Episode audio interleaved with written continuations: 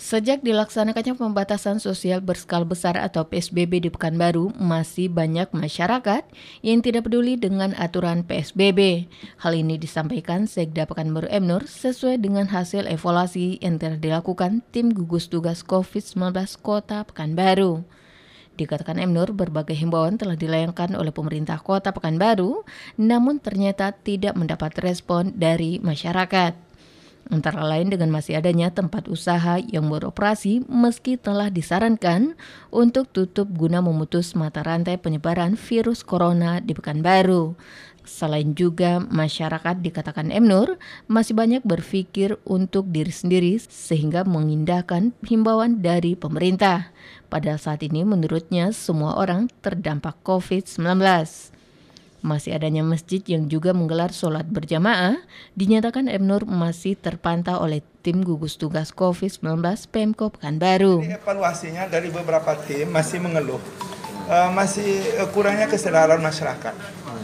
Uh, masih kita temukan yang warnet masih terbuka, kemudian ada warung-warung masih memaksa buka, masih ada juga belum paham apa yang dimaksud oleh pemerintah Uh, mereka hanya mengkaji soal dari segi mereka. Siapa pun ini pasti tak suka dengan situasi ini, apalagi yang jualan di stop, yang harusnya dapat duit tak jadi, artinya harus ada tempat duduk tak diperbolehkan. Nah, ini yang juga terus kita adakan edukasi. Dan kemudian uh, belum berjalan maksimal teman-teman kami yang pos kamlingnya gitu. Hmm.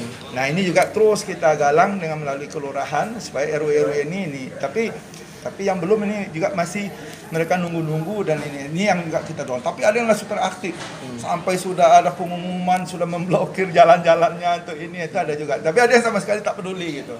Nah ini dan kemudian masih ada juga teman-teman masjid yang melakukan aktivitas. Ya, gitu. Nah uh, padahal kita sudah sampaikan uh, yang masjid itu azannya tidak dilarang gitu. Hmm ngaji dan azan dilarang tapi tidak ada komat. Artinya kalau komat itu menghimbau orang untuk segera di ini. Tapi kalau soal ingat orang untuk sholat. Selain itu untuk pengawasan di lokasi checkpoint juga diakui Emnur masih ada kekurangan semisal dengan tidak adanya ambulans serta juga petugas kesehatan yang berjaga di checkpoint dan juga tidak adanya alat pengukur suhu tubuh.